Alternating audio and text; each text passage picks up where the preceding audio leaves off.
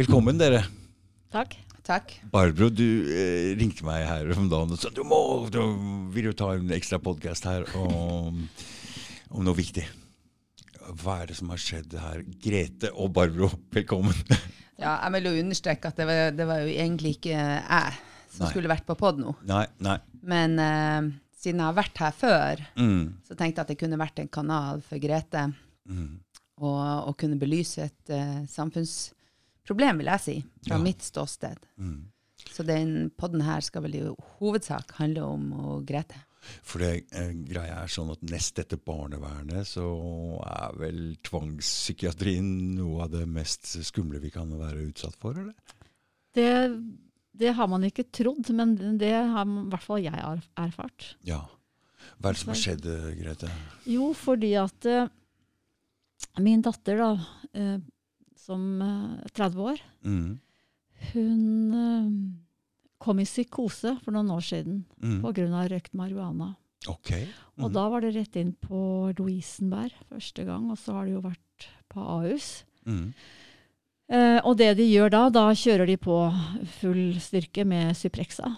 Eh, Hva er det for noe? Det er et antipsykotisk eh, middel.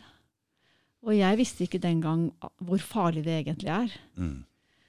Og så har vi da i ettertid da forsøkt å komme av det medikamentet. Mm. Og det viser seg er ikke helt enkelt. Å nei. Så når Pernille kom inn nå på AUS denne gangen, Mm. så hadde hun da hadde vi klart å trappe ned, brukt kanskje åtte måneder. Når var det hun var innlagt første gangen på dette her? Eh, ja, det må ha vært åtte år siden. Åtte år siden, ja. Mm. Så hun var veldig ung. Ja, For nå er hun 24? Hun er 30. Hun er 30, ja. Mm. Mm. Så hun var sånn par og 20. Så etter å ha blitt lagt inn der og fått det, hva heter stoffet? Cyprexa. Suprexa, så har hun måttet gå på det hele tiden etterpå? Ja, det har hun faktisk. Oh my God, for et, Mm. for et stoff. Det var ikke jeg klar over. Mm. Det var ikke jeg klar over. Var du ikke? Nei. Nei. Nei. Mer eller mindre. Da. Hun er jo trappet ned, for at eh, jeg har pusha på det hele tiden, og hun vil det selv. For at det, mm, mm. det Suprexa gjør med deg, det er at du blir helt flat, om du skjønner hva det er. Jeg skjønner hva det er. For Ja. det, og det vil jeg gjerne si litt om. Mm, mm. Fordi vi er egentlig følelsesjunkier, og vi Ja. styrer livet vårt etter følelser.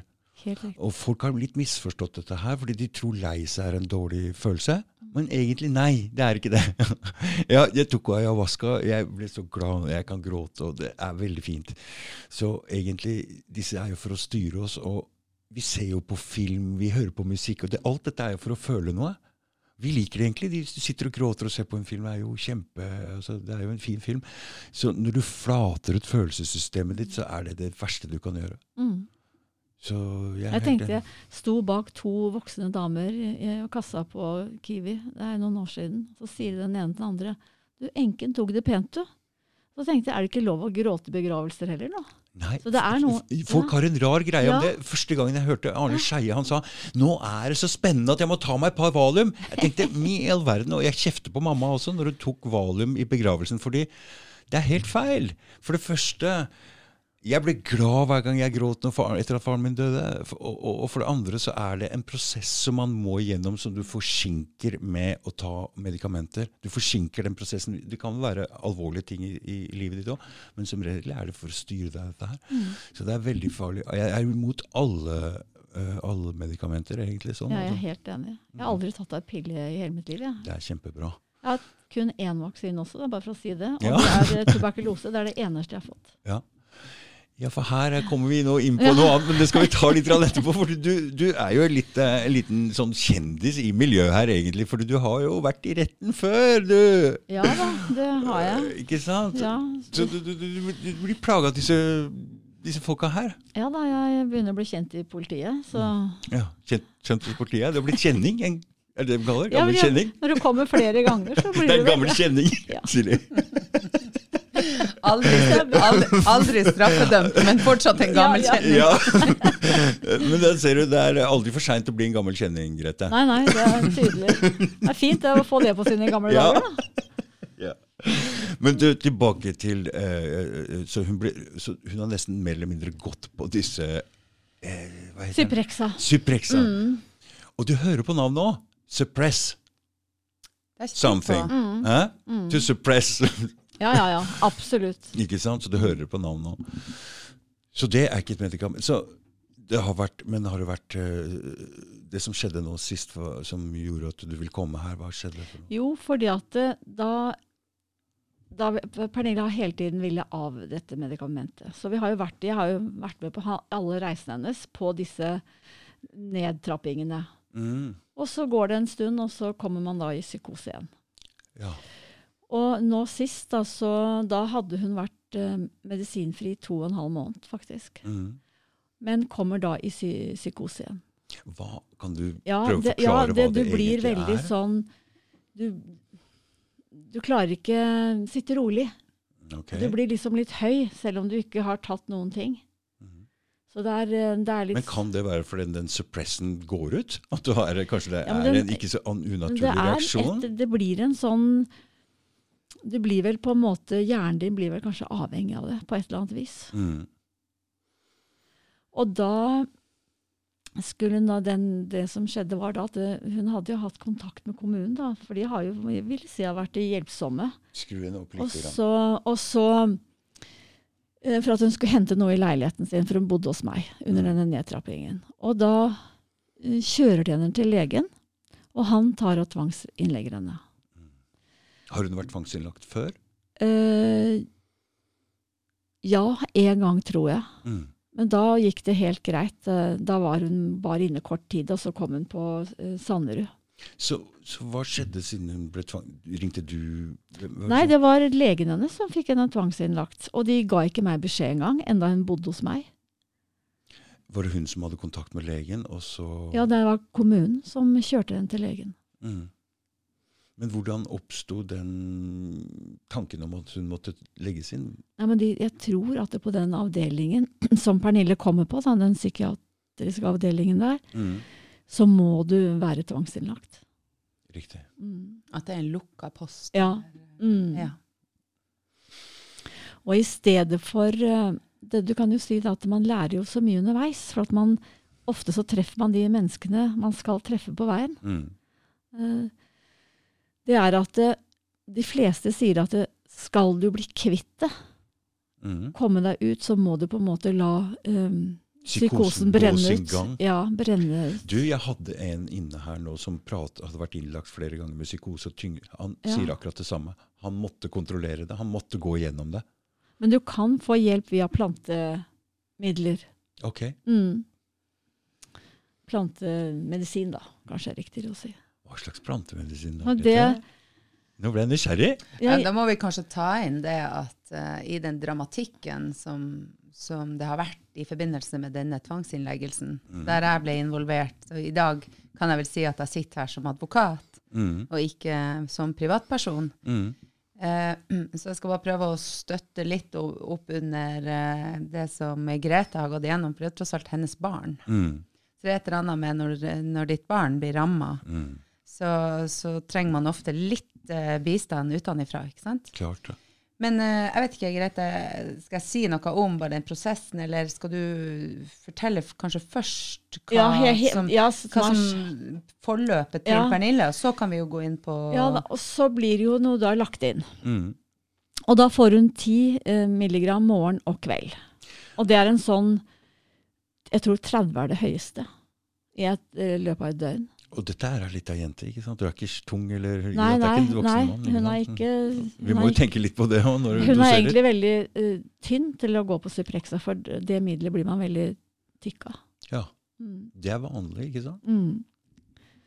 Så, uh, men det som gjorde at jeg kontaktet Barbro, det var først at det for de skulle tvangsmedisinere henne med sånn uh, depot. Det vil si at de setter en sprøyte Mm, som skal vare en måned. Vare en måned, ja. Mm. Og det vil ikke Pernille. Hun har fått det en gang før. Men du, når det gjelder de der depot som skal vare en måned For det første, de varer ikke en måned. Okay?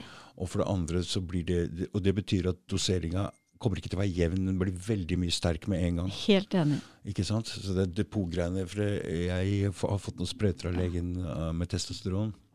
Og de mener at den skal vare i to måneder. Men det nytter ikke, man må dele den opp, for det, hvis Ja. ikke så blir det helt Nei, det, feil. depot skulle man ikke sette på folk. Ikke sant? Nei, det er ikke bra. Mm. Så det er derfor vi kontakter Barbro, da, på grunn av vi vil ikke ha depot. Mm. Uh, og mm, så, Jo, det var det. Men så, etter å ha vært inne eh, kanskje en uke, så eh, kom jeg en dag så ser jeg at hun, det er nesten umulig å få mm, vekt henne. Mm. Og da sier de ikke til meg at de har gitt henne noe mer. For det har, ingen, det har jeg ikke fått noe info om, om i det hele tatt. Og dagen etterpå kommer datteren min. Og da, etter 20 minutter, så får hun ikke liv i det i det hele tatt. Og det er da jeg ringer til Barbro. Og så sier jeg at vet du hva, nå må vi ha hjelp. Mm. Og så får jeg vite at hun får Temest- Temesta 2,5 milligram tre ganger om dagen. Det tror jeg er ganske mye, egentlig. Ok, jeg har ikke peiling på det. Benzodiazepam-familien. Ja. Riktig. Mm. Mm. Mm. Så det, det er ikke noe snilt det heller, for å si det sånn. Nei, altså jeg Og så ikke nok med det, men snakk om å ta fra et menneske all verdighet. Så for at i og med at hun da bare sov, ikke sant, lå i en døs, så kom hun seg ikke på do, så jeg satt bleie på henne. Da er du tungt medisinert, altså. Ja, det er så, det er så Men, men det, det, er litt sånn spesielt, for når man går inn i en psykose, så er det jo det Men beste ute av sted psykosen, unnskyld jeg ja. Hun var ute av psykosen da. Ja. Ja, for den kom hun egentlig ganske fort ut av. Mm. Hvor lenge varer en sånn psykose? Du, nå er det mange som sier at skal du ut av den, så tar den eh, 40 dager. Oi. Men eh, Pernille var jo egentlig ganske kjapt ute av den, syns Mm. jeg. i hvert fall nå, Men kanskje fordi hun var medisinfri to og en halv måned. Jeg vet Mm. ikke Mm. om det gjorde saken noe bedre. Mm. Men eh, i hvert fall så reagerte jeg så voldsomt på den der forferdelige medisineringen hennes. altså. Mm. Men du, jeg tenker Når folk er i en psykose, så er de jo litt redde. Og litt sånn, og det verste stedet man egentlig kan være, er vel hos ukjente som holder deg hardt i armen og tvinger deg til ting og som du ikke får lov å gå. Det, Det er jo, du, altså Jeg hadde gått i psykose av bare det. Eh, Du kan si, jeg vil si de som jobbet der, de Ja. unge jentene som var der, var utrolig snille mot Pernille. Ok. Mm. Mm. For Pernille er snill selv. Mm. Så, så det var ikke der det var. Så de gjorde jo bare jobben sin. De Ja. kunne jo ikke protestere på det. Nei, men hva gjør man egentlig på et sånt sted? Er det noe Du skal jo være Gjør der hele dag. ingenting. Nei, de gjør ingenting, nei. Nei. Nei. Og det er bare sånne apparater som For du får ikke åpne vinduet engang. Nei, Så det går sånn der zzz, Jeg hadde blitt gæren etter en time. ikke sant? Så de må 24 medisineres ned hardt for å kunne være der? Ja, det mener jeg. Og også kanskje for at å ha de i ro, så de ikke behøver å Ikke sant? Ja. Mm. For Pernille ville hjem, vet du. Gråt og ville hjem. Mm.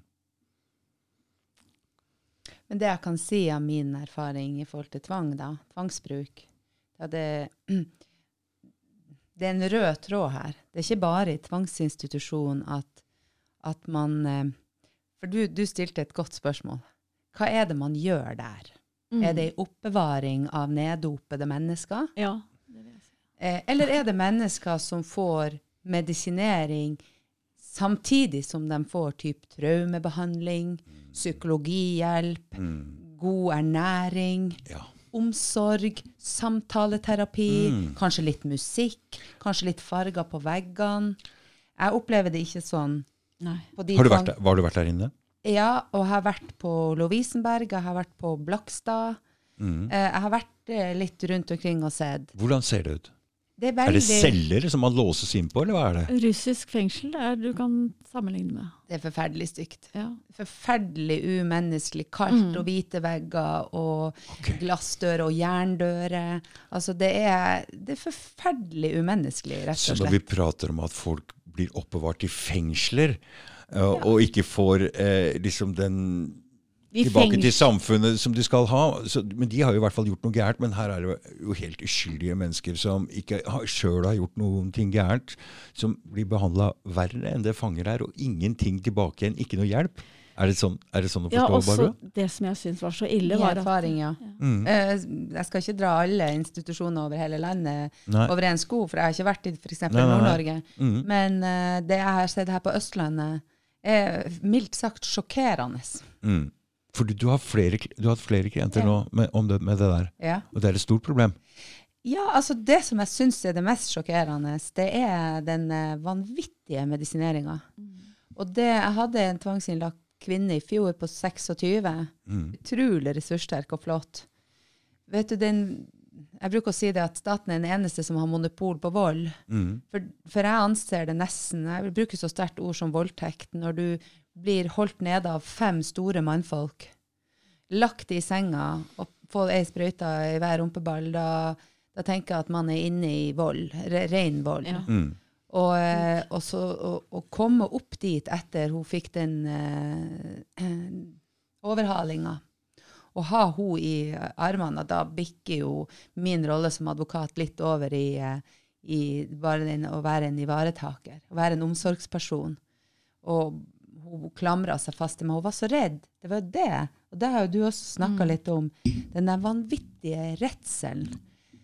Men det, det som jeg skulle bare si, som var på en måte poenget mitt For jeg jobber jo også mye med, med fengsel og, og barnevern, f.eks. Det er jo også tvangsinstitusjoner.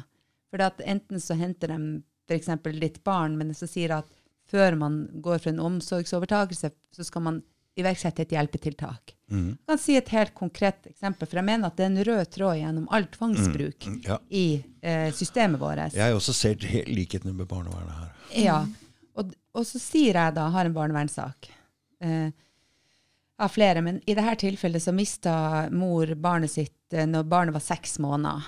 Eh, og eh, da påsto barnevernet har ikke vært rus i bildet, og hadde ikke mye penger med å være. Eh, og far var ikke så snill. Men det var på en måte nok. Og da, da, da, da sier barnevernet du har ikke evne til å se behovet til din sønn. Det var begrunnelsen. Førstegangsfødende, seks måneder. Men det som, som så, så spør jeg barnevernet i møtet, mens vi sitter der, hva slags hjelpetiltak ble benytta før omsorgsovertakelsen? Nei, vi hadde jo meldt henne på foreldrekurs, og eh, hun skulle jo få, eh, få samtaleterapi. Så sier jeg OK, dere hadde meldt Fikk hun foreldrekurs? Eh, nei, for det hadde ikke kommunene tilgjengelig. Eh, Nei, eh, kommunen. Så sier jeg nabokommunene hadde den. Nei, ikke på det tidspunktet. Ok, Så hun, fikk, hun, hun sa ja til det, hun ville ha det tiltaket, men hun fikk det ikke. For det var ikke tilgjengelig. Eh, fikk hun samtaleterapi? Nei, det var jo ikke kapasitet til det akkurat da. Ok, Så hun fikk ikke det. Men hva slags hjelpetiltak fikk hun? Og stille blir det. For ikke ett hjelpetiltak. Og det ser jeg. Det er det som er den røde tråden. De har hjelpetiltak, men det er i realiteten ingen hjelpetiltak, for det er ingenting. Men det som fosterforeldrene fikk, de fikk foreldrekurs. For det hadde kommunene, ikke bare den kommunen, men nabokommunene tilgjengelig. Og de fikk penger ganske mye hver måned for å overta denne babyen. Så hvis hun hadde fått det, så hadde hun klart det helt fint! Ja! Du, du, du, du sitter der og lurer på om du er i Twilight Zone. Du sitter og lurer på om du er i sånn Stranger Things-serien som vi elsker å se på hjemme. The Upside Down World. For det er noe vi, vi det det er noe penger inn i bildet, og noe goder til kommuner, og noe penger inn til kommuner Det, det er noe økonomisk greie med det barnevernet, er det? Skal vi holde oss litt unna naturretten nå? Ja. Nei, ikke, la oss La oss ikke gå på djupt vann. Nei. Nei, Grete, la oss gå tilbake til Pernille og hva som skjedde med henne. Jo, og så reagerte jeg veldig på at hun ble bare tynnere og tynnere. Og så står det på det lille bordet hennes så står det da et, saft, et saftbeger og et beger med søte kjeks. Så jeg har inntrykk av at hver gang hun var sulten, så var det søt saft og søte kjeks. Så hva er det de Er det noen som På disse institusjonene, hvor lenge når du er der på besøk og sånn, får du noe innblikk? altså Sånn som på gamlehjem f.eks. Man kan gå og være der så lenge man vil og titte hva som foregår, og hva slags mat de får. Hvordan, hvor lenge kan man være på besøk? og får man, Eller er det besøksrom? Ja, nei, vi, var, vi kan ha et besøksrom, men vi var ofte på hennes rom. Mm. Vi hadde med ofte frokost til henne. Mm. Um, Hvordan ser rommet ut? Det er som eh, Jeg tror fengselet kanskje er bedre. Ja, ikke Det, du, får ikke, du får ikke opp et vindu. Du får, det er Nei, ingen, det det er ingen, alt, er, alt er strippa for alt mulig. Så det er en seng og et nattbord. That's it. Det er ikke en stol som jeg kan sitte på engang Mm. for besøkende. Er det bra for psykisk syke mennesker? Det er ingenting der som er bra for psykisk syke mennesker. For du får ikke hjelp til noen ting. Mm. Jeg skal dytte den litt nærmere. Mm. Ja, sånn. Så vi, vi, du kan si det, altså, vi, vi bare så at eh, hun ble bare visna henne. Noen ganger jeg kom, så følte jeg at det lå en gammel dame der. Men, Rett og slett. Men, men du, vi har jo sett alle filmen 'Gjøkeredet'. Ikke sant? Så du eh, tok eh, saken i egne hender, du, Grete. Det gjorde jeg. Ikke sant? Jo. For det er det det handler om her i dag. Ja, jeg ville ha henne ut. Ikke sant? Og du fikk henne ut! Det gjorde vi. Vi stakk av. Dere stakk av. Så Grete er ikke Grete Men det var, Grete med venninne. Ja. Ja. Mm. men det var, Thelma Louise. Ja. men det var jo etter et møte på, på Ahus, da. Mm. For at da, eh, rett før det møtet, da skulle det være et sånt digitalt møte med fylkeslege, fylkeslegen, Mm. Barbro og Pernille og jeg, og så hadde jeg med meg en venninne in case noe skulle skje. Mm. Og så hun som jobbet med Pernille den dagen, ikke legen. Hun var helt vekk, vi fikk ikke tak i henne heller. Og da, når vi kom, så var Pernille helt fin, kom med kaffekoppen sin i hånda og var helt super. Og så gikk det, og vi var litt tidlig ute ved. Da, da det gikk en halvtime, så bare datt hun helt sammen. Da hadde de gitt henne medikamenter, så hun ble helt borte. Så når Ruud, fylkeslegen og Barbro kom på skjermen, så var hun borte. Og det er litt spesielt, fordi de, skulle, de visste, visste at hun skulle være i møte. Ja, og hun skulle svare skulle for seg. Ikke sant? Da skulle jo, ja, hun skulle svare Ja, for hun seg, ja. skulle si at hun ikke ville ha det depotet, hun. Riktig. Altså, eh, det, var på, det ble påklaga. Tvangsmedisineringsvedtaket ble påklaga, ikke Mm. Det var det som var møtet. Det var det som var møtet. For du har Ja. to typer møter i disse tvangsinnleggelsene og tvangsmedisineringssakene. Ja. Du har en kontrollkommisjon som skal ta stilling til hvorvidt tvangsinngrepet, altså innleggelsen, er eh, OK. Eller så har du da fylkeslegen med statsforvalteren som skal ta stilling til hvorvidt tvangsmedisineringsvedtaket er OK. Så det er jo to ting som tas, ofte tas stilling til. Okay. Så det møtet her, det handla om at fylkeslegen skulle snakke, og det, den eneste personen som er viktig på det møtet, det er pasient. Riktig. For fylkeslegen skal stille mange, mange spørsmål for å kunne ta stilling til om man skal oppheve vedtaket, Mm. eller om det skal fortsette. Oh my God. så- Så det var kjempeviktig. Og Greta dem hadde jo gitt beskjed at hun måtte for all del ikke få disse benzopreparatene før møtet. At hun skulle være klar til å kunne snakke for seg sjøl. Mm. Men det var hun ikke. Det var faktisk, Fylkeslegen sa jo det sjøl, Mm. at han var rystet. Det Han hadde aldri vært med på et menneske som rett og slett var Hun var helt borte vekk. Det var ikke mulig å få kontakt i det hele tatt, med unntak av at hun sa tre ting. da. Ja, hun sa 'jeg vil hjem, jeg er redd'. Det klarte hun å si. Mm. Jeg um, eneste jeg har opplevd med det her, er at faren min da han ble veldig alvorlig syk og kreftsyk, så pumpa de han full av morfin, og han ble veldig redd. Ja. Han ble veldig redd av Det- Han ville ikke, det ville, det ville han ikke. Og han ville bare dø. og Han ville bare, si, dette her er for Når du bare får sånn lite glimt og masse rare drømmer og ikke lever i virkeligheten, det, det, det syns han var veldig skummelt. Tyveri av en, Ja. en, en naturlig del av livet, på en måte. Du stjeler det fra folk med å injisere folk med en masse medikamenter uten deres samtykke. Og Mm, dette med samtykke her er jo utrolig viktig, for jeg har jo forstått det sånn at når det gjelder Pernille, så har hun egentlig aldri motsatt seg behandling. Nei, hun er egentlig veldig samarbeidsvillig. Hun er en veldig snill og god jente. Mm. Så nei, det er ikke noe problem med henne der. Hun har jo stoler jo på legene. Det er det. Akkurat som moren gjør. Hun har alltid stolt på legene på en måte. Vi har vokst opp sånn. Ja, at det, der kom jo leger hjem til oss i gamle dager. Mm. Før hadde vi lege hjemme, Ja. stemmer det? Ja, det er Nå, nå jo, du, du, det samme skjedde jo da. Hjemlege. Ja, ja. Ja, ja. Vi tar det gamle dager. Det blir litt sånn gamle dager. Ja, det gjør jo det. Men um, ja, Så da etter det møtet, så Vi sa jo til eh, fylkeslegen også, så nå tar vi Men hvor var den personen som sto ansvarlig for medisineringa under det møtet her? Vi fikk ikke tak i den. Ingen fikk tak i henne, ikke fylkeslegen Men hun skulle heller. vært på møtet? Hun skulle vært tilgjengelig. Hun skulle vært tilgjengelig? Og kommet inn og svart på spørsmål som fylkeslegen hadde. Men fylkeslegen fikk heller ikke tak i henne. Hun var på, fysisk på sykehuset. Er veldig hun, spesielt. hun kom ikke.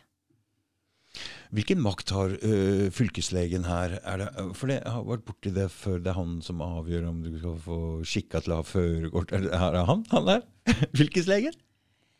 Eh, ja, det en sånn sak har faktisk altså Det har jeg ikke vært borti, men eh, i dette tilfellet så har han jo såpass stor makt at hvis han hadde ansett at uh, medisineringa ikke var korrekt, eller f.eks. doseringa, Mm. eh, så kunne han jo ha oppheva vedtaket. Sånn. Riktig. Det er han som, det er han som sitter Det er han som sitter på toppen. Mm. Ja. Men hva, hva, hva, etter det møtet, hva skjedde? Hva- Så Fylkeslegen sa at dette her var helt uh, på trynet, men, men, men hva skjer? Da uh, Vi logger oss av møtet, det kan jeg jo si. Ja. Vi ja. møtet. Og da ser Solveig og jeg på hverandre og sier at vi, vi, vi tar med Pernille og går. Ta med Pernille går, ja. Det er det vi gjør. Mm.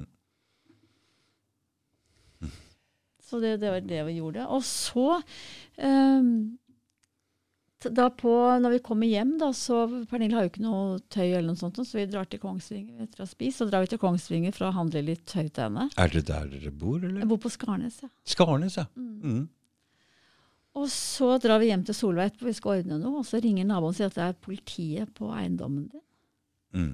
Tre menn som går rundt. Greit. Så da tenkte jeg her skal vi i hvert fall ikke hjem. Nei. Så Solveig tar med seg Pernille. Så dere holdt, hadde ikke dere vært og handla, så hadde de Ja. tatt dere? Mm. Faen, du må tenke litt da, Grete. ja det er, vi, får, vi får drahjelp, skjønner du. Ja. Så da dro jeg hjem, og da var det jo ingen der. Og dagen etterpå så tenkte jeg skulle bare rydde og ordne litt, og så dra tilbake. Mm. Og da kommer den politibilen med tre mennesker igjen. Mm. Og ringer på døren min og så spør om det er jeg som er Grete. Jo, det er jeg jo. Og da sier jeg at jeg, ja, jeg er Grete. Jeg er bare en mor som prøver å redde datteren sin. Mm. Og så sier de at ja, men de har et oppdrag, Mm. og de, vil, de er ute etter Pernille. Mm. Og de vil se i alle husene. Så da var det to som gikk rundt og sjekket alt. Og fant seg henne selvfølgelig ikke. Nei. Og så kom jo da sykebil. For de trodde at hun var, var der. Mm.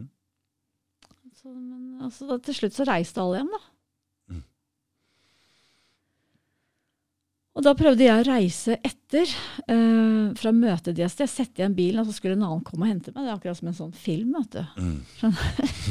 Og, og mobilen i sånn eh, folie. Nei, i vil i folie? Ja. Ja, ja. Og så, ja. men du, så sto det søren meg en sånn spaner Nå. og venta på meg. Så ruller jeg ruta, så sa jeg, er det meg du skal uh, ut etter? Så sa jeg jeg skal bare til Som- uh, Kongsvinger og handle litt, sa jeg. Så skal jeg tilbake igjen. Ja. Og så kjørte han etter meg. Og så kjørte jeg inn på en sånn sidegreie, stoppet der og tenkte om jeg ringer til, ringer til Barbro og hører hva jeg gjør. Så, men da dro jeg bare hjem igjen. Og da, uh, da tok venninnen min og så Pernille og dro til Sverige på kafé. Mm. Så de skulle være der. Og så hadde da min eksmann ringt til eh, legen og fått tak i henne. Mm. Og sagt at eh, du, kan ikke, hvis du er det beste du kan gjøre for Pernille, er å sende blålys etter henne, så er ikke det helt innafor. Mm. Uh, og så sier han at ja, men jeg skal ta andre Går det an å ringe til fylkeslegen og Nei, prate med han, nei, eller? Nei, ikke fylkeslegen, men til Å ja, nå ja! Ja, et, når dette skjer, er Jeg det har, ikke da jeg har snakka med fylkeslegen. Jeg tok kontakt med han. Å ja. Ja. Mm. Så han er klar over hva som har skjedd. Mm. Men han virka rett og slett en veldig snill mann. Mm. Han virka rett og slett litt ute av seg. Jeg tror ikke han visste helt hva han skulle gjøre. Nei, det er jo litt spesiell situasjon. eh, Men så tok han jo ferie i dag. Ja. Så han uh, jobba iherdig uh, i dag med å få en koordinator til å sette en ny person på saken. da. En ny fylkeslege. Så vi vet jo aldri hvem det blir. Nei, for det er jo en litt spesiell situasjon kanskje for han, og det er ikke noe vanlig det der. Nei. Nei. Og så må jeg jo si Det kan hende jeg støter noen nå, men Han kunne jo tatt et ekstra møte med henne på telefonen, da. Det Jo. kunne han ha gjort. Men jeg ser jo det at i forvaltninga generelt sett, Mm. så er jo folk blitt ganske gode å gjemme seg bak sine titler. Mm. Jeg sier ikke at denne fylkeslegen ville gjort det, men jeg sier at man merker ofte at folk gjør nesten som de vil. Altså, I barnevernet det er ingen som straffer en barnevernspedagog for å ha f.eks. gjort en, en, en feilaktig omsorgsovertakelse. Nei. Men advokatene blir straffa ganske hardt gjennom advokatdisiplinærnemnda hvis vi gjør noe galt innenfor vår rolle. Ikke statsadvokatene. Ikke statsadvokatene. Nei. Nei, men nå snakker jeg om Ja. vanlige advokater. Mm, ja.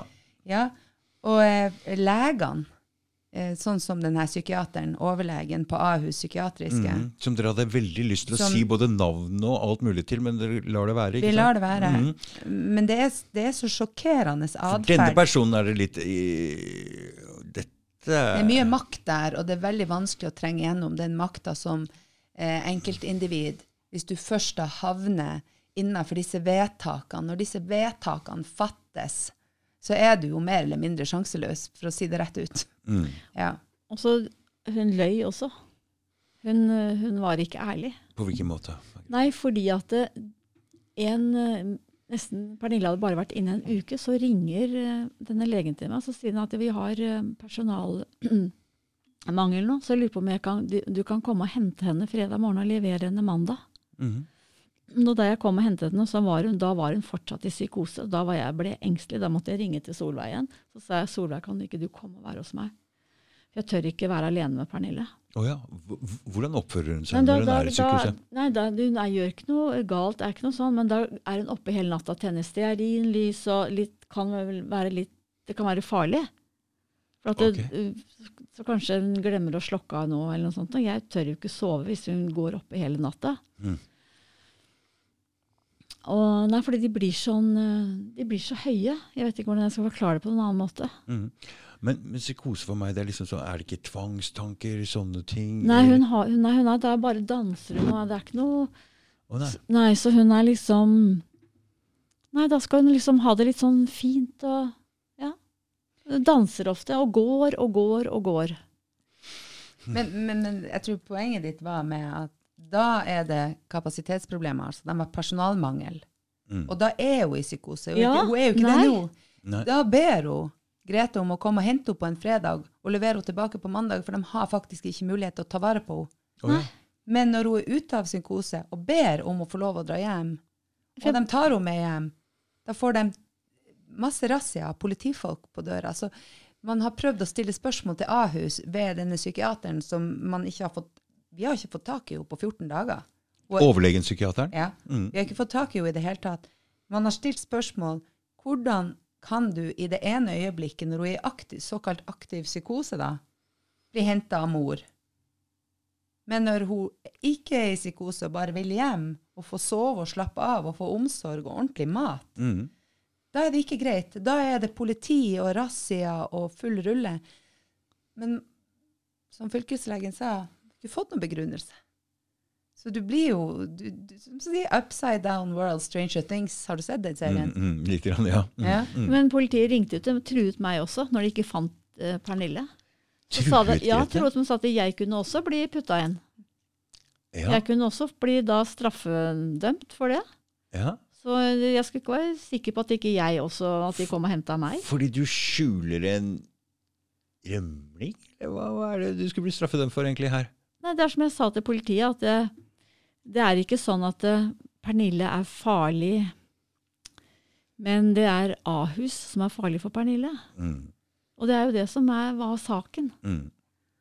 Men Grete, du lar deg ikke true av sånne ting? Nei, Altså, du- nei, jeg lar meg ikke true. Nei, Altså, nei. Nei, nei. Nei, altså, jeg har jo sittet i, i fengsel før, og jeg går gjerne i fengsel for en god sak.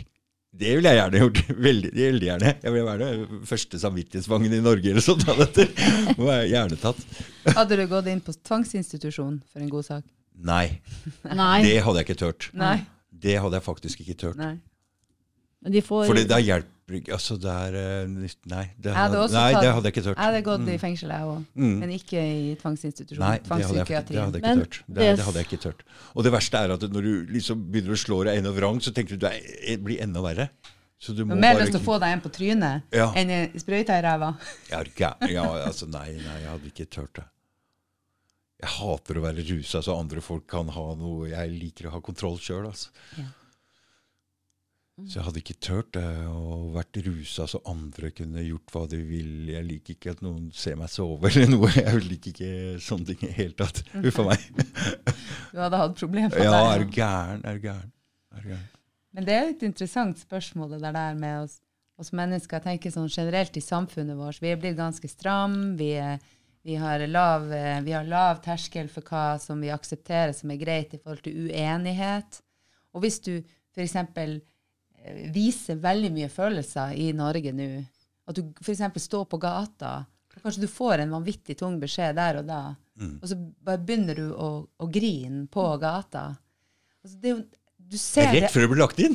ja, men du ser det aldri. Men folk kan Nei, ikke takle nei. det Du ser bare folk som går og bærer smerten i stillhet.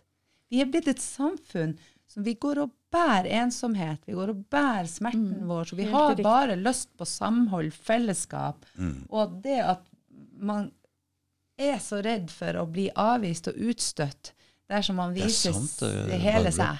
Du vet, når den tanken kom opp om å lage et coop og flytte opp der, jeg tenkte jeg vil. Vi er ikke bygd for å bo her aleine og sånn hver for oss. Men det var en veldig god idé, egentlig. Det er veldig, Tenk hvor fint det hadde vært. Mm. Selv om det, Og vi trenger folk fra alle generasjoner også. Tenk hvor fint Oi, oi, oi, hva? det var jo- Savner- Jeg savner gamle. Ikke sant? Ja, men det var jo sånn i gamle dager. Det var jo Visst var sånne det, grender. var. Det det. var jo sånne grender. Det er jo det samme. Det er det samme. Mm. Ja, det er fantastisk. Ja. Men det er også en enorm beskyttelse i det. Mm. Ja. For hvis det. skjer noe, f.eks. sånn som, som Grete på sin eiendom, og, og Grete har jo en, en flott og stor eiendom, ikke sant? Det er noe med å, å, å på en måte liksom At det kommer nabokaren, han kommer ut med støvlene sine, og så ser han politibilene, så roper han over plassen. Hei, Grete, hva er det som skjer der borte? Skal jeg komme bort? Ja. Mm. Altså, bare, bare ha det. Mm. Eh, Noen som ser deg. Mm. Men sånn som samfunnet har utvikla seg til å bli, så er det jo Du kan jo nesten bare bli arrestert hvor som helst, og folk ser på dem. Står kanskje og ser på, men så er det jo glemt fem minutter etterpå, så går folk ut og drikker. Eller whatever, hva folk gjør. Mm. Så du er ganske usynlig, og det tror jeg egentlig ikke bare jeg kjenner på, for det kan jeg si at jeg kjenner veldig mange ganger på det, og det handler ikke om at jeg har det dårlig inni meg sjøl. Jeg har det ganske godt med meg sjøl, det må jeg si. Er Trives jo. samfunnet i forandring når det gjelder disse tingene? Er det litt verre, litt mer kontroll, litt mer politi, litt mer eh, tvangsgreie her hele veien? Eller er det bare jeg som Nei, oppfatter det er litt sånn, sånn, det, og at jeg har kommet litt mer inn i det og ser mer av disse tingene hele Altså, tiden? Du har jo drevet Martine Barneklær. Ja, Ja, nå jeg kan vi prate det. litt om det. Men i 40 år, jeg bare tenker liksom, når du starta det i Bygdøy allé for Det er så 40 år siden. Det er så hvordan forskjell. var det samfunnet da? Nei, men da var det for det første, da kunne jeg ringe ned til postkontoret, hovedpostkontoret. Mm. Da hadde jeg eh, en, og hun kunne ringe til meg hvis det var noe. Og hun ordnet opp. Det er, helt, det, er så, det er så spesielt. Og nå er det eh, store sånne transportører, og hvis det er noe feil, du får ikke tak i dem. Det er ingen som tar telefon. Du kan ringe i 20 minutter, så bare gir du opp. Det er Dette er helt overalt. bevisst. Ja, så er overalt. Så sitter de kanskje i India eller eh, Portugal eller Mm, mm. Polen eller hvor som helst. Du får ikke tak i folk. Det er, mange det lege, gjør, det er mange legekontorer nå. Det går ikke an å ringe og høre. Du kan ikke bestille. Det er, vi får ikke snakke med noen. Nei, men jeg tenker på også før, altså, det var bankene, da. Vi hadde jo um, Nordea på hjørnet. Mm. Og da var det en så super mann som het Kjell, som jobbet der, og som vi alle kjente. Og han visste alt om alle. Og når jeg jeg husker det var en kunde jeg ikke um, skrev sjekk som det ikke var dekning på, for den gangen var det sjekker. Mm. Og så bare hvisker han til meg, og så sier han at Grete, der får du ikke penga dine. Mm. Nei, vel, greit, da Du skjønner jo det, det er sånt jeg tok vare på Ja, ja. Mm. mm. Nei, Alt er på nett nå. Hæ? Så det digitale har ødelagt så enormt mye. Ja. Jeg sitter og åh, jeg, tenker, jeg tenker så mye, men eh, jeg er jo sjøl vokst opp med besteforeldre og oldeforeldre. Mm. Jeg har hatt dem på tunet. Jeg har stått og spilt ludo med oldemora mi. Jeg, jeg elska den generasjonen der. Den ga meg ro. det å sitte Bodde du i nærheten av besteforeldrene? Ja, ja. Det tror jeg er veldig viktig. Ja. Fordi jeg merker jo nå med nesten alle Når vi har barn sjøl, for det første, vi er egentlig ikke voksne nok til å ha barn. Og for det andre, vi har ikke tid. Så vi trenger egentlig den andre generasjonen over der til å ha den kontakten mellom de. Fordi de er- Balansen, tror jeg. Ja. De har hatt barn sjøl, Ja. de er litt smartere nå. Ja. De Og har funnet andre- roen. Og har funnet roen. Ja. Og har tid. Prøysen skrev jo om det bestemorhuset. ja. Ja. Da hun satt i gyngestolen, og barnebarna kom. Ja, det er så herlig. Så hvis den eh, covid-saken skal klare å få til et sånt samfunn igjen, så er det velkommen, kanskje? Det er jo meningen at de skal ødelegge. Ja, vi får se. Men du, Ja. den Martine-saken, for det er jo en litt sånn kjent sak, Barbro, som du var advokat i også. Hva var det den handla om, eh, Grete? Det var under lockdown i fjor, da. Så Bygdøyallé er jo en litt sånn spesiell gate, for der er det mange frisører og eh, noen klesbutikker og Ja. Mm, mm. Det er en eh, lang, lang og koselig gate. Fin, fin, fint strøk. Mm. Og da under lockdown så kunne altså frisører, hudpleie, fotpleie og massasje ha lov til å åpne. Men en liten barnebutikk hadde ikke lov til å åpne. Mm. Så det vil si at jeg kunne gå inn til frisøren, men frisøren kunne ikke gå inn til meg. Det er ganske absurd. Mm. Men i hvert fall så kunne vi ha klikk og hent, da. Ja. Og det hadde vi jo. Ja. Og så, men så var det da en av disse gamle kundene mine. Hun hadde jo selvfølgelig ikke VIPS. Nei. Så sier jeg det er bare oss. Mm. Du kan Stor avstand, ingen fare. Du kan bare dra kortet ditt, og så bare flytter jeg meg litt. Mm. Så gikk hun inn og dro kortet sitt og gikk ut igjen. Og så kom jeg etter og ga henne posen i døra, som det var lov. Mm.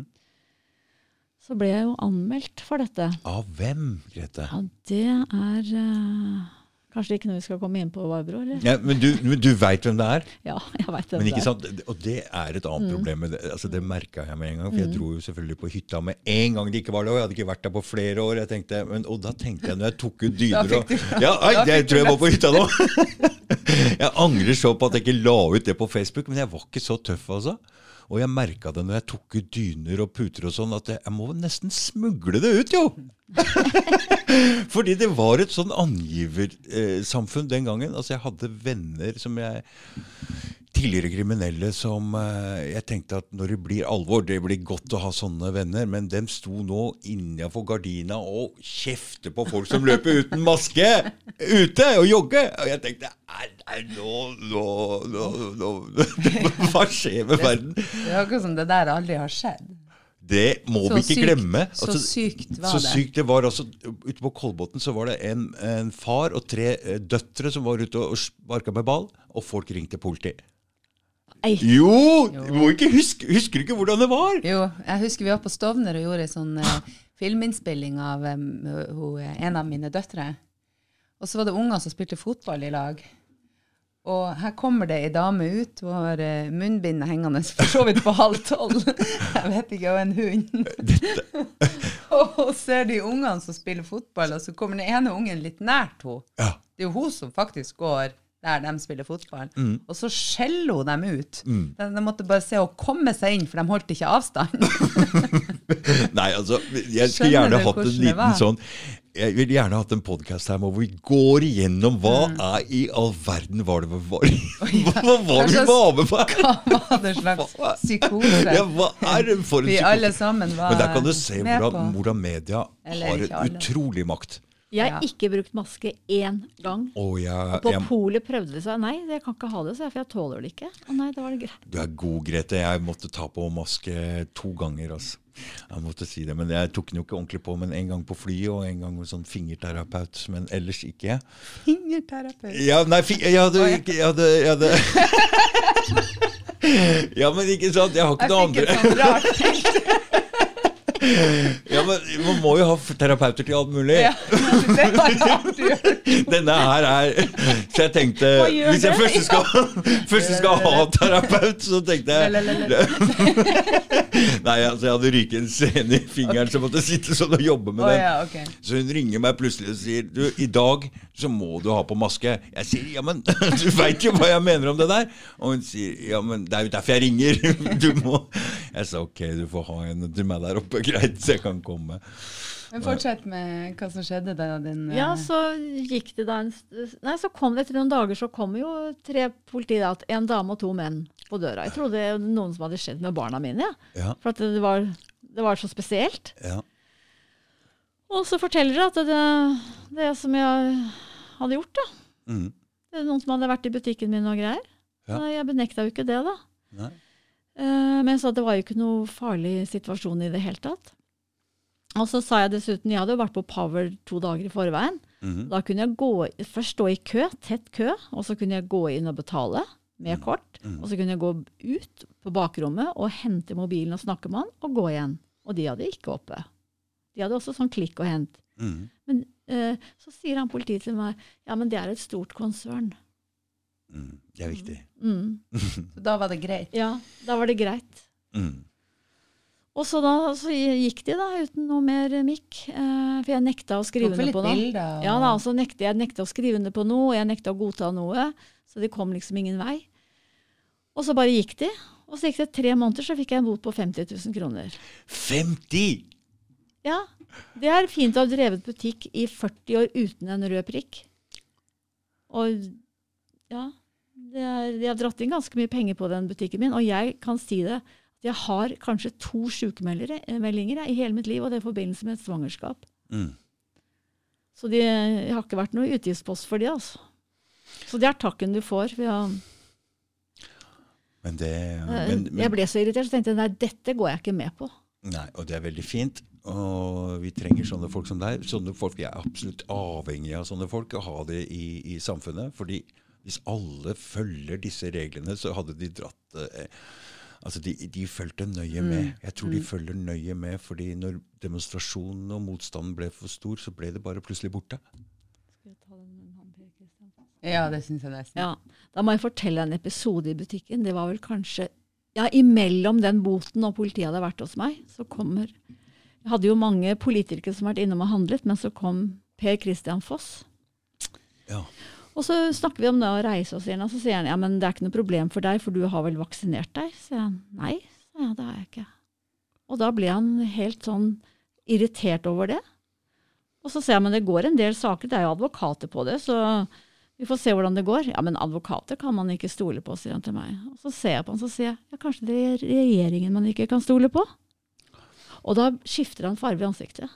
Du eh, Og så sier han jeg skulle ønske du fikk covid. Oi! Men, men, men, men, men hør nå. Alltid Du vet hvem han er. Ja, da, men alltid så projiserer man ting over på andre. Og du vet hva folk sier om politikere. Ok? Vi, Det er ikke lenger bare politikerforakt her. altså. Det begynner å bli det er, det, ja, Du veit jo Men har ikke han vært stamgjest? Eller stamkunde? Jo, han har handlet så han kjente meg jo godt. mm, Men riksrevisoren i Norge, Er det det? tidligere Ja. Høyretopp, Ja, jeg vet Ja. han. sier det. Mm, Fordi at i den tida så trodde kanskje folk at du døde av covid. mm. Så når du sier det til en innehaver jeg, jeg håper du får covid. Mm. Sier du ikke egentlig da at jeg ønsker deg det. Ja, egentlig er det ikke det du sier da. Mm. Sa du noe da? Jeg tror jeg lo. Ja. Altså, hva skulle du si? Nei. Nei, altså mm, Vi har litt forskjellige reaksjonsmønstre, du og jeg sikkert. Men, Det skal du ikke si.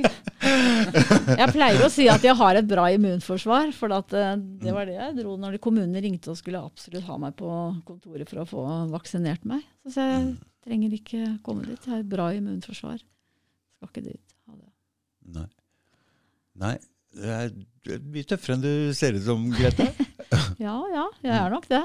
Men du, tilbake til denne saken her nå. Fordi dere har stikket av, du har blitt trua med eh, fengsel eller straff. Eh, og er de på jakt etter Pernille ennå?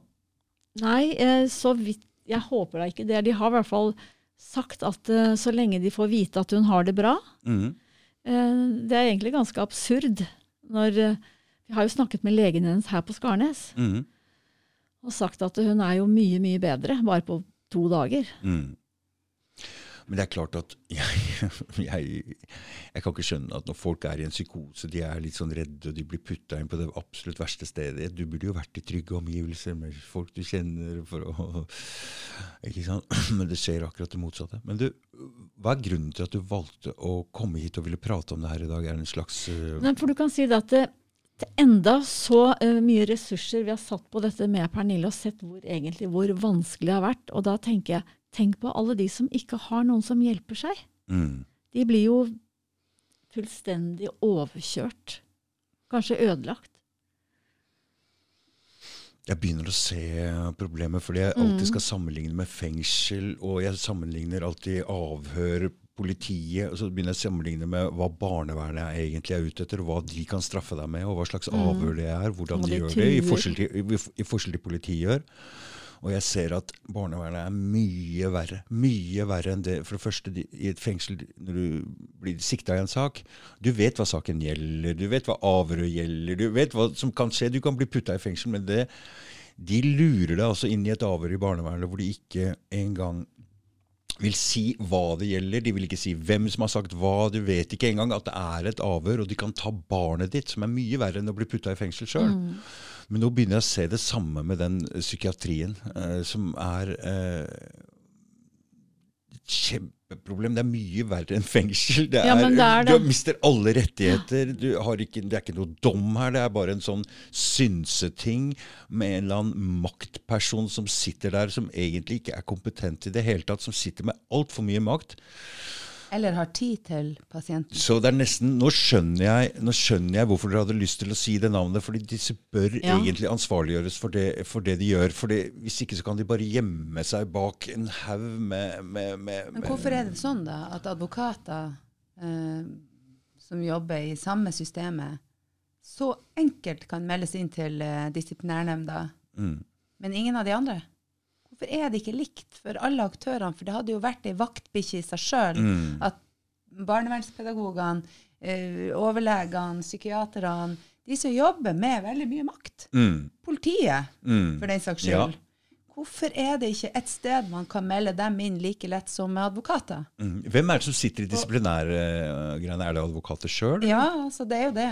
Og eh, Mm, mm, det er jo en nemnd.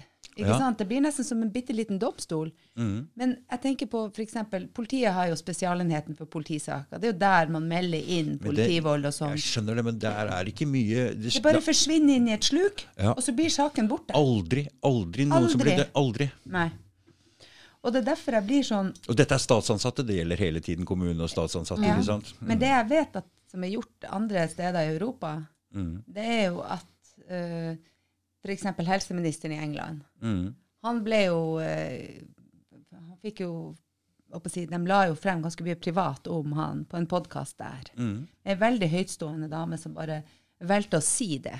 Ja. Jeg sa til han at hvis du gjør det, så vil du på et eller annet tidspunkt bli holdt personlig ansvarlig. Mm, Og med en gang du begynner å tenke personlig ansvarlig, mm, og ikke tittelen, mm. Så endrer Da får pipa en annen lyd med en gang, fordi at da må du gå i deg sjøl. Mm. Jeg bruker ofte å snu speilet. Mm. Når jeg har f.eks. saker der eh, min klient er tiltalt for politivold, Mm. og så viser det seg at det er egentlig motsatt. Det er politiet som har utøvd vold. Mm, ja, de gjør det sånn, da. Ja. Mm. Eh, Siste saken ble det frifinnelse, hurra for det. Mm. Men da hadde man bilder som kunne da dokumentere den volden. Mm. Og du lurte han til å bli sint, ikke sant? Jeg lurte han til å bli sint i vitneboksen, ja. Mm, Mm, sprakk for han. Ja. Men, men det er så viktig, og det er så riktig det som Grete sier her. Det er så viktig at sånne som Grete, som er ressurssterk, eh, som har tingene sine på stell, og har muligheten til å slåss tilbake. Mm. For i dette tilfellet så kom det en privatlege. Og det var jo, den, det, var jo det som ble redninga. Det var jo den private legen som kom på hjemmebesøk. Mm. Og hva gjorde? Jo, da meldte jo legen inn til både politi og Ahus at nå har jeg vært på legetilsyn, og avga en full rapport på tilstanden hennes. Og dette er en lege du kjenner godt fra før? Nei, jeg kjenner han ikke godt fra før. Nei. Så, Nei. Han er en del av mitt nettverk, for jeg sitter i styret til den nye legeforeninga som har starta. OK. Det Ja. 47 leger nå. Og Mm. eh, tenk å kunne kontakte noen av de som virkelig skjønner hvordan systemet Mm. opererer. Men du, Barbro, nå begynner jeg å skjønne litt. grann. Ok, så det er en lege du kontakter. Så alle som hører den podkasten her og syns at de blir litt sånn urettferdig behandla innen tungpsykiatri og trenger, så er det altså en mulighet til Er det lov av helse? Nei. Nei. Nei, nei. Det er en, eh, det er en ny, ny forening som er under SMB, som er den foreninga som huser alle små og mellomstore bedrifter i Norge. Ok. Ja. Mm. Og det er Torkel Snellingen. Jeg vet ikke om du kjenner til Torkel? Jo, han har vært der. Han har vært der, ja. Ja. ja det er hans initiativ. Så bra. Ja, og det er jo egentlig på, en, eh, på samme på lesten som, som de uh, Great Barrington og Mm. eh, de her internasjonale leger. Så har du Legeoppropet i Sverige, der over 200 leger nå har signert. Mm. Dette er et skandinavisk samarbeid. Jeg er den eneste juristen. Ellers er det kun leger, og for øvrig helsepersonell. Så de har utvida det Så til hvordan også går det an å kontakte disse hvis man er Er det, er det en Hjelper de folk? Ja, ja, altså mer og mer. Og jeg har hatt to konferanser allerede. En på Bristol under SMB-fanen, og så har vi hatt en uh, for uh, foreninga. Men eh, Kan man uh, være kunne... så snill å legge en link til dette stedet Ja. under, under podkasten? Absolutt, absolutt. Ja. For nå kommer jeg til å gi ut denne her Ja. i morgen allerede, for dere ville det, ikke sant? At det skal skje du skal få linken. Det er kjempeviktig, for det er viktig at folk vet at den eksisterer. For det, Mm, mm. det vi så i går For det er derfor dere kommer, egentlig, for å lage litt sånn Kan det gå skal være, vi skal, altså, det, er ikke enk, det, jeg si, det er ikke vanskeligere enn at man skal ha et system som er rettferdig. Mm. Vi skal ha et Og hvis ikke staten klarer å gjøre det, så må vi gjøre det sjøl. Selvfølgelig. Ja. Ja. Selvfølgelig. Vi må Ja, gjøre det selv. selvfølgelig. Selvfølgelig. Det er jo som Pippi Langstrømpe sier. Hva Mm. sier og sier. Det har, jeg, det har jeg aldri gjort før. Så da kan jeg det helt sikkert. Ja. Oh. du vet hva jeg sier sånn om mat, og det der har jeg ikke smakt før. Det liker jeg. Altså, vi er nødt til å hente tilbake vår egen kraft. Ja. Jeg har sagt det i to år nå. Mm. Eh, Jeg har vært så heldig jeg, har, jeg må bare få det med. Jeg har grått mye de siste dagene. Jeg har hatt en sånn nedperiode der jeg har savna de gamle vennene mine. De gamle. Hører dere det, hvis det er noen gamle venner av Barbro som hører dette her nå? Ja, men sånn skikkelig. Skikkelig, For jeg vet hvordan de lukter, jeg vet hvordan de er, jeg kjenner historien deres. Jeg savner dem så intenst, og det vet de. Ja. Men det er, det er likevel, vil jeg si, at jeg har gnegd egentlig et helt liv om det her med å finne din egen stemme. Mm. Og, og, og bare la den bryte ut. Og, og sjøl om jeg kjenner på det savnet, Mm. så er jeg også så jævlig i livet. Og jeg griner flere ganger i uka fordi at jeg er så jævlig i livet. Ja.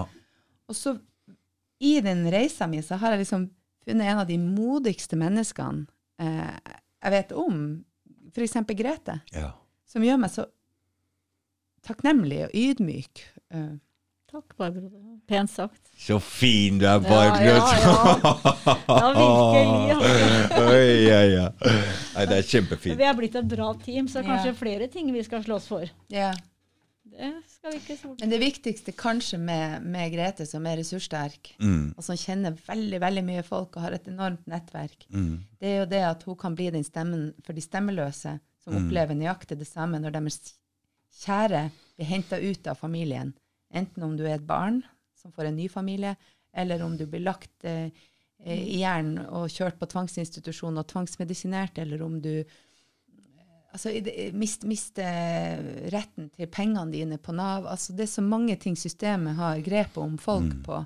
Så jeg tenker at Grete det er en viktig stemme for de som ikke har den stemmen. Mm. De som sitter og, og griner og, og, alene. For det har vært en greie nå under covid, at vi finner hverandre. Ja. Det har vært viktig. Så folk kan si hva de vil om Facebook og disse greiene, men det har vært viktig også. Det, har vært, det hadde ikke vært for Facebook, det hadde ikke vært noe podkast, det hadde ikke vært noe bevegelse, det hadde ikke vært noe Det er viktig at vi finner hverandre nå, og at vi kommer ut med sånne ting som det er. Men det er viktig med menneskemøter også, ikke bare på en skjerm. Du, det veit jeg alt om, fordi det var da det skjedde noe. Før, før jeg traff ordentlig folk i virkelig livet, så var hele covid-greiene ikke ordentlig ekte for meg. Det var bare noe som var på internett, og for meg var det ingenting ordentlig ekte. Så når jeg møtte 70 mennesker, Så kom jeg derfra, og så tenkte jeg jeg skal begynne med podkast. jeg vet ikke hva som skjedde der oppe. Jeg er litt rann, uh, usikker på det. Men, men det å Jeg tror Siden vi lever jo i hjernen til hverandre. Og jeg tenker for å kunne begynne med noe, så må man få en slags godkjennelse ovenifra. ok? Så jeg hadde overbevist min nærmeste om at jeg hadde et eller annet å komme med. Og så tror jeg kanskje det som skjedde der oppe, var at jeg satte kanskje et inntrykk i huet på noen, så jeg plutselig levde så de visste sånn at jeg tror jeg fikk lov å gå videre med det prosjektet. For jeg hadde aldri tenkt tanken før.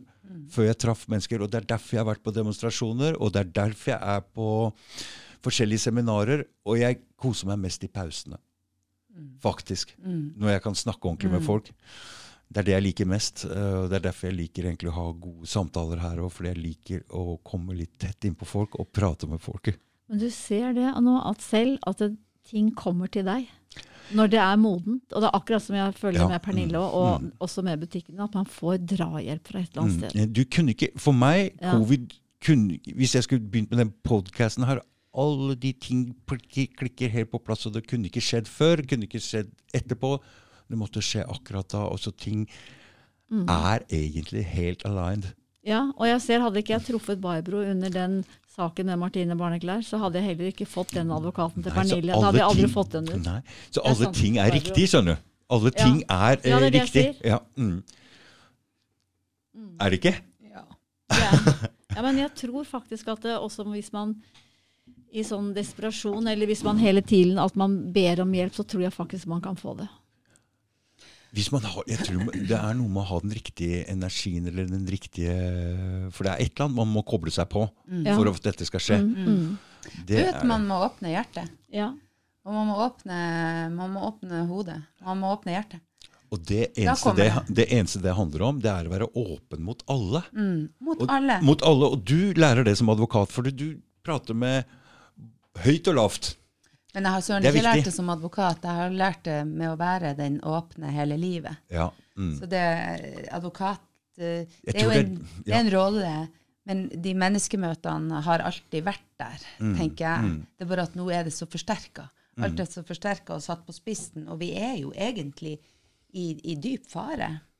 Menneskeheten er jo i dyp fare, for vi har jo på en måte overgitt oss. Vi har overgitt vår suverenitet og autonomi Staten til har blitt et monster. Mm. Den har vokst og vokst og Vokst, ja. og vokst, og den har blitt et monster, og den er en sånn selv... vi kan skylde oss sjøl. Ja. Ja. Vi har sovet i timen, mm. og vi har latt det her skje. Mm. Da må vi ta det tilbake, men den eneste måten å gjøre det på, det er i lag. Mm. Og så må vi slutte å dømme hverandre. Mm. Må vi slutte å snakke skit om hverandre Mm. og se hva hun øh, Det er helt uvesentlig. Mm. Det, det, er, det er illusjon. Mm. Det er programmeringa. Ja, men det er egentlig alltid man projiserer over på andre det man er sjøl. Jeg, jeg tenkte bare sånn bare, Jeg kjørte øh, søppelbilen her om dag. Det stopper en fyr. og jeg, Vi jobber fort, altså. Vi jobber veldig fort, så det, øh, vi løper. Og så stopper han, og så maser han at jeg skal flytte meg, for han skal på et møte. Og han prøver altså å projisere over på meg at han ikke har respekt og øh, møte, komme til det møtet tidspunkt, så prøver han å presse det over på meg. At det er min skyld! Det er jo hans egen skyld! Ja, ja. Ser du, sånn, så, sånn er det hele veien. Hele veien. Hvis man ser på ting Så den pekefingeren Mm. du peker på andre med Du har tre pekefingre som peker tilbake på deg sjøl. Det må du være klar over. Ja, ikke sant? Ja. Mm. Sånn er det hele veien. Vi må, ha det ned. Ja. Mm. Må bare åpne opp. Tørre. Mm. Tørre å være sårbar. ja. Tørre Ja, å vise for det oss. er man når man åpner og er, møter alle med et åpent sinn, så er man egentlig sårbar fordi Ekstremt. man er det. Ja. Men det tør jeg hver gang. Jeg har blitt lurt mange ganger. Men jeg tenker jeg kan altså Jeg har en sånn trygghet i bakhånden at uh, hvis det er Altså, jeg har mye kraft. Det, det, det, det er det jeg går og tenker. Jeg har mye Jeg kan Jeg tror at du på et eller annet tidspunkt at når du bryter gjennom den barrieren og gjør det første gang, mm, så er det gjort.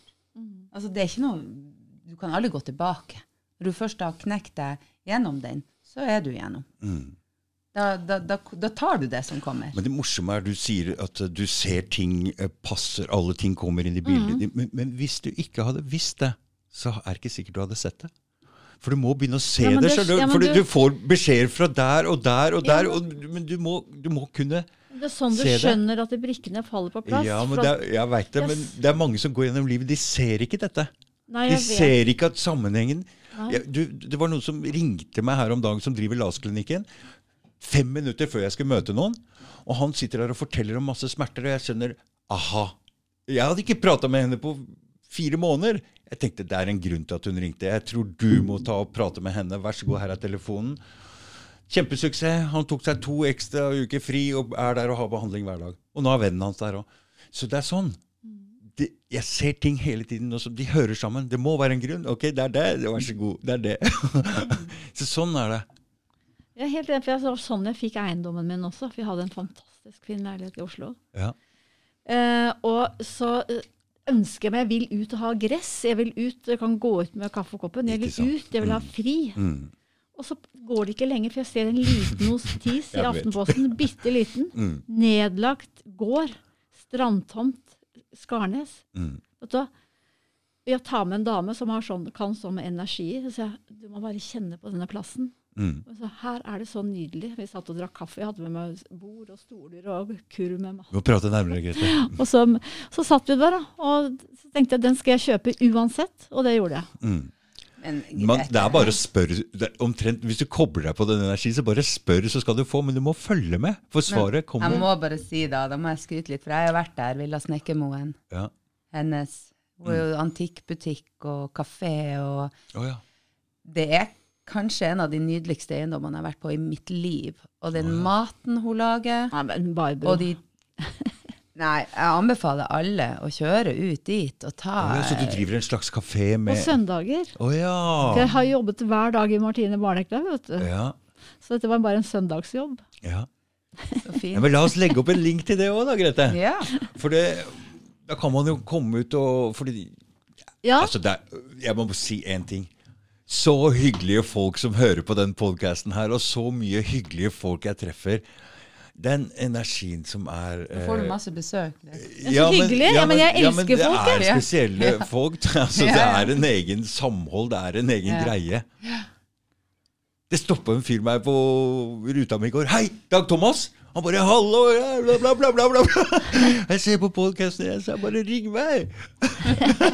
så herlig. Ja. Men vi må vel, eh, vi må vel eh, ta en liten oppfølging, i hvert fall via deg, da, i forhold til den saken som vi i utgangspunktet kom hit for, og, Mm, mm. og bare satse på at nå nå skal det bli eh, Vi har en plan. Ja. Oh, ja. Ikke vi skal si den planen her Nei, nå, men når vi har gjennomført planen, Mm. ja. da skal vi si hva vi fant ut. For da tror jeg den planen kan brukes for veldig, veldig mange andre. Oi, fy plan. Jeg, skal, jeg må ikke vite det engang. Kanskje under bordet. Ja, ja, ja. Under bordet. det liker vi. Ja. Det er veldig kult. Skal vi si vi har fått uh, gjort Ja. det meste? Ja. Dere Ja. har jo sinka Du, damer og retningssans, jeg skal ikke si noe mer, men det tok litt tid før dere kom i dag, for å si det sånn. Og du Grete, du kjører altfor fort. Du kommer til å kjøre forbi alt som er hele tiden. og du fant meg på en sparkesykkel. Ja, på feil vei! På feil vei. Så, Hvor er du? Ja, ja, du òg. Hvor er du egentlig? Løste av gatene. Hm, Nei, jeg vet ikke helt.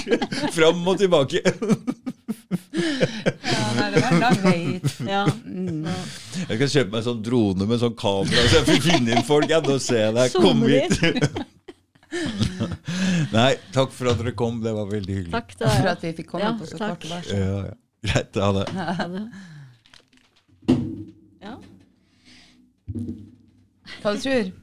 Ja